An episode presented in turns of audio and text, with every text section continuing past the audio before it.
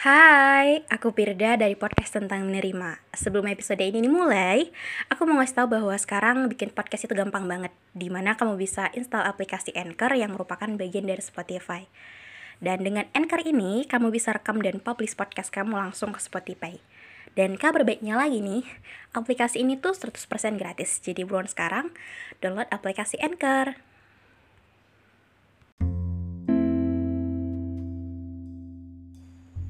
Untuk kalian yang pertama kali mampir ke podcast tentang menerima ini, hai, selamat datang.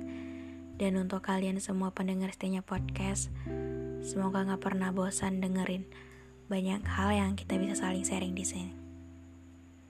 Hmm, jadi di sini di segmen TC kali ini aku bakal bacain cerita yang udah kalian DM di Instagramku Pirian semua orang.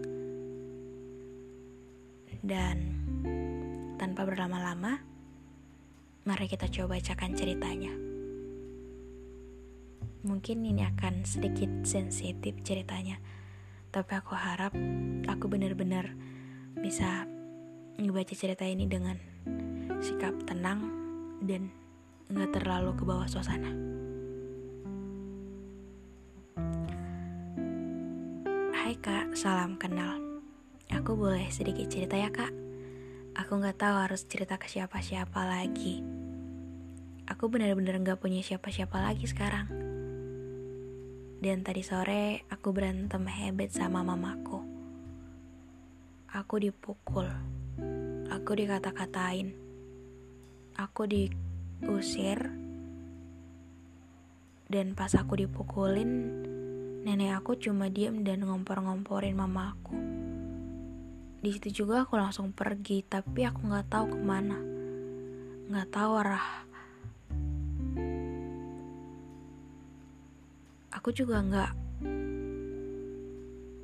tahu lagi bener-bener nggak tahu itu lagi. Aku kangen banget sama ayah. Ayahku nggak ada dari kecil.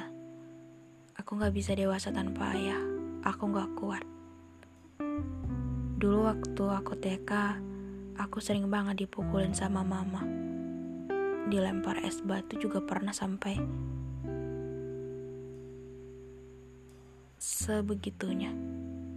Dan di situ tante aku cuman ketawa dan aku juga pernah dikurung di belakang rumah yang bertanah terus banyak pohon-pohon kecil. Di situ aku dikurung dan disiram air panas. Pernah juga hampir dipasung. Aku gak kuat kak Aku capek, aku sering keluar rumah karena mencari ketenangan. Tapi mama aku selalu mikir yang enggak-enggak tentang aku kalau main keluar. Aku capek banget, Kak. Ini bukan diri aku yang dulu. Dan sekarang kabar buruknya aku ngerokok minum tujuh butir obat supaya bisa tidur lama Aku juga pengen banget mati kak nyusul ayah sama abangku. Di sini nggak ada yang sayang sama aku, nggak ada yang peduli sama aku. Kalau bunuh diri nggak dosa, aku udah bunuh diri dari lama. Aku cuma bisa lampiasin ke silet rokok sama obat. Aku nggak tahu ke depannya mau gimana. Mamaku juga lebih sayang sama adik dan kakak aku. Aku yang selalu disuruh-suruh, selalu diomelin, sedangkan adik aku, aku iri kak. Dia minta apa aja selalu diturutin, gak pernah disuruh-suruh. Dan kalau ayah aku masih ada, apa dia bakal lebih sayang ke adik sama kakak aku juga? Aku gak tahu kak harus cerita ini ke siapa. Bener-bener nyesel banget. Makasih ya kak untuk tempat ceritanya.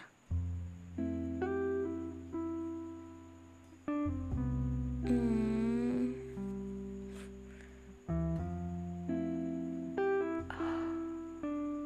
Hmm. Aku sedih bukan karena cuma perasaan kasihan ke kamu, bukan. Tapi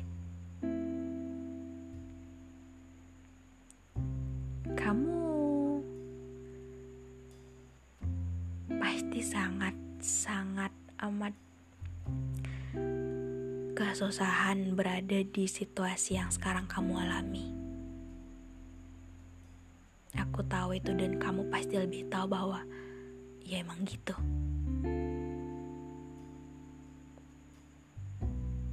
Aku tahu ketika rumah yang seharusnya bener-bener rumah harusnya bisa ngasih sebuah kita, ngasih kita sebuah perasaan yang benar-benar bisa betah di situ. Aku nggak tahu kenapa ibu kamu bisa sebegitunya ke kamu dan aku nggak tahu juga kenapa orang-orang di sekitar kamu malah ngebelain ibu kamu yang ngelakuin hal yang seharusnya nggak dilakuin ke kamu. Mungkin kamu akan bosan dan nggak akan setuju ketika ada yang bilang bahwa ibu ke ibu ke ibu kita nggak boleh gitu gitu. Karena yang kamu alami ini orang lain gak akan relate gitu. Orang lain akan cuma bilang gak boleh gitu ke ibumu. Kayak durhaka gak boleh ngelawan apa pun yang dilakuin pasti untuk hal yang baik tujuannya gitu ke kamu. Dan walaupun aku nggak tahu sedetail apa masalah yang ada di keluarga kamu, kenapa ibu kamu sebegitunya dan kenapa juga kamu dapat uh, sebuah perlakuan yang menurut kamu beda gitu ketika ibu kamu ngasih kasih sayang ke kamu dan dia nunjukin itu ber sangat amat berbeda ketika dia ngasih kasih sayang juga ke adik dan kakak kamu.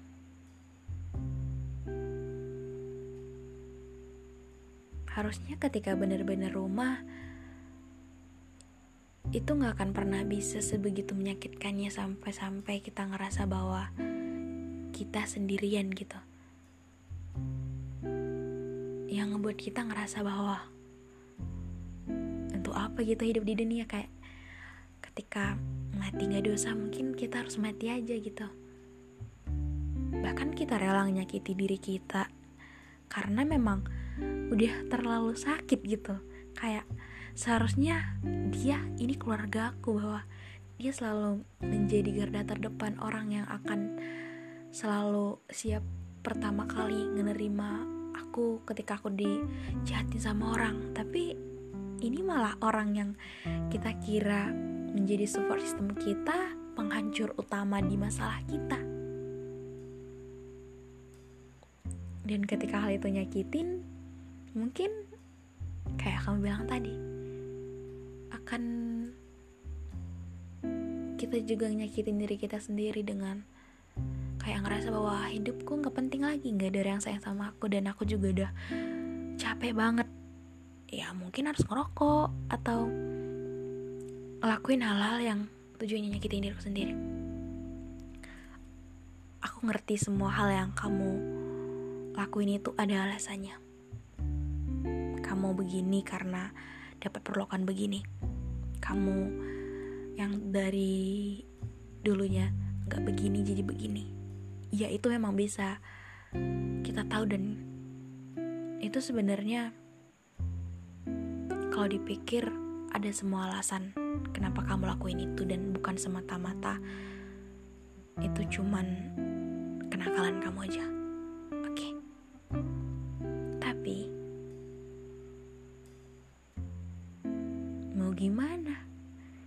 Seperti yang berkali-kali aku bilang bahwa ketika ada masalah, sayangnya kita gak pernah bisa lari. Sekencang apa pun kita lari, masalahnya akan tetap di situ-situ aja. Kita cuma bisa nerima, bertahan, dan lakuin hal sekecil apa pun yang kita bisa. Ya emang susah ketika kita berada di rumah yang tidak ramah. Gimana mungkin bisa betah? Tapi menyakiti diri sendiri Gak pernah menjadi sebuah hal yang patut kita lakuin. Ya karena walaupun kita mikir bahwa kita nggak berharga lagi kita hidup di dunia ini nggak ada gunanya tapi kan kita hidup bukan cuma untuk diri kita sendiri, keluarga kita, dan orang-orang sekitar kita. Ingat, yang ngasih kita kehidupan itu juga sayang sama kita. Kamu tahu gitu, dan kamu juga akan sedikit muak gitu ketika aku bilang, masih ada Tuhan. Dia masih akan selalu dengerin setiap cerita kamu lewat doa, dia akan selalu nguatin kamu. Tapi ketika kamu berada di situasi sekarang ini, itu juga gak pernah selesai, gak pernah berakhir. Kamu akan ngerasa bahwa enggak deh, enggak ada hal yang berubah ketika aku udah sebegitu terima pun keadaan ini gitu. Tapi masalah gak akan selamanya masalah karena waktu gak akan pernah berputar di situ-situ aja. Dia akan selalu berjalan.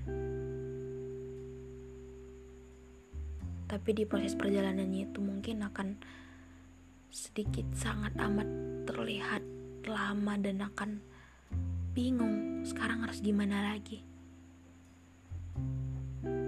Tapi aku mau bilang bahwa tolong ya, jangan nyakitin diri sendiri. Udah cukup orang lain aja yang nyakitin kita. Kita jangan bertahan untuk diri sendiri, bertahan untuk hidup yang udah dikasih sang pencipta ini. Karena cuma menjaga diri sendiri, ini akan terlewati. tapi aku sangat uh, se berani itu kamu cerita itu sebuah hal yang bener-bener terlihat nyata bahwa kamu udah mendem ini sejak lama dan kamu bingung harus cerita ke siapa.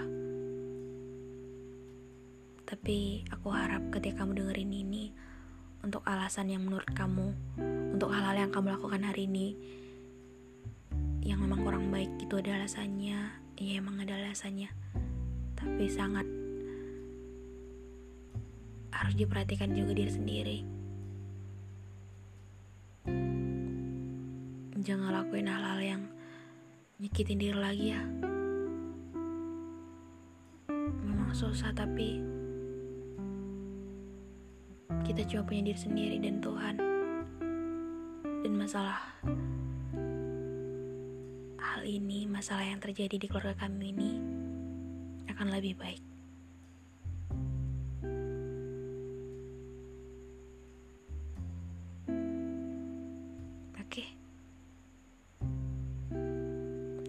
kasih untuk kalian semua yang udah dengerin ini sampai akhir. Kalau ada cerita yang mau di bacakan juga boleh. Diam aja di Instagramku pirin semua orang. Cerita yang menurutku menarik akan kubacakan di sini. Seperti cerita kali ini. Jangan lupa juga untuk follow podcast kita ini dan kasih rating bintang 5 mungkin sekian episode kali ini. Dadah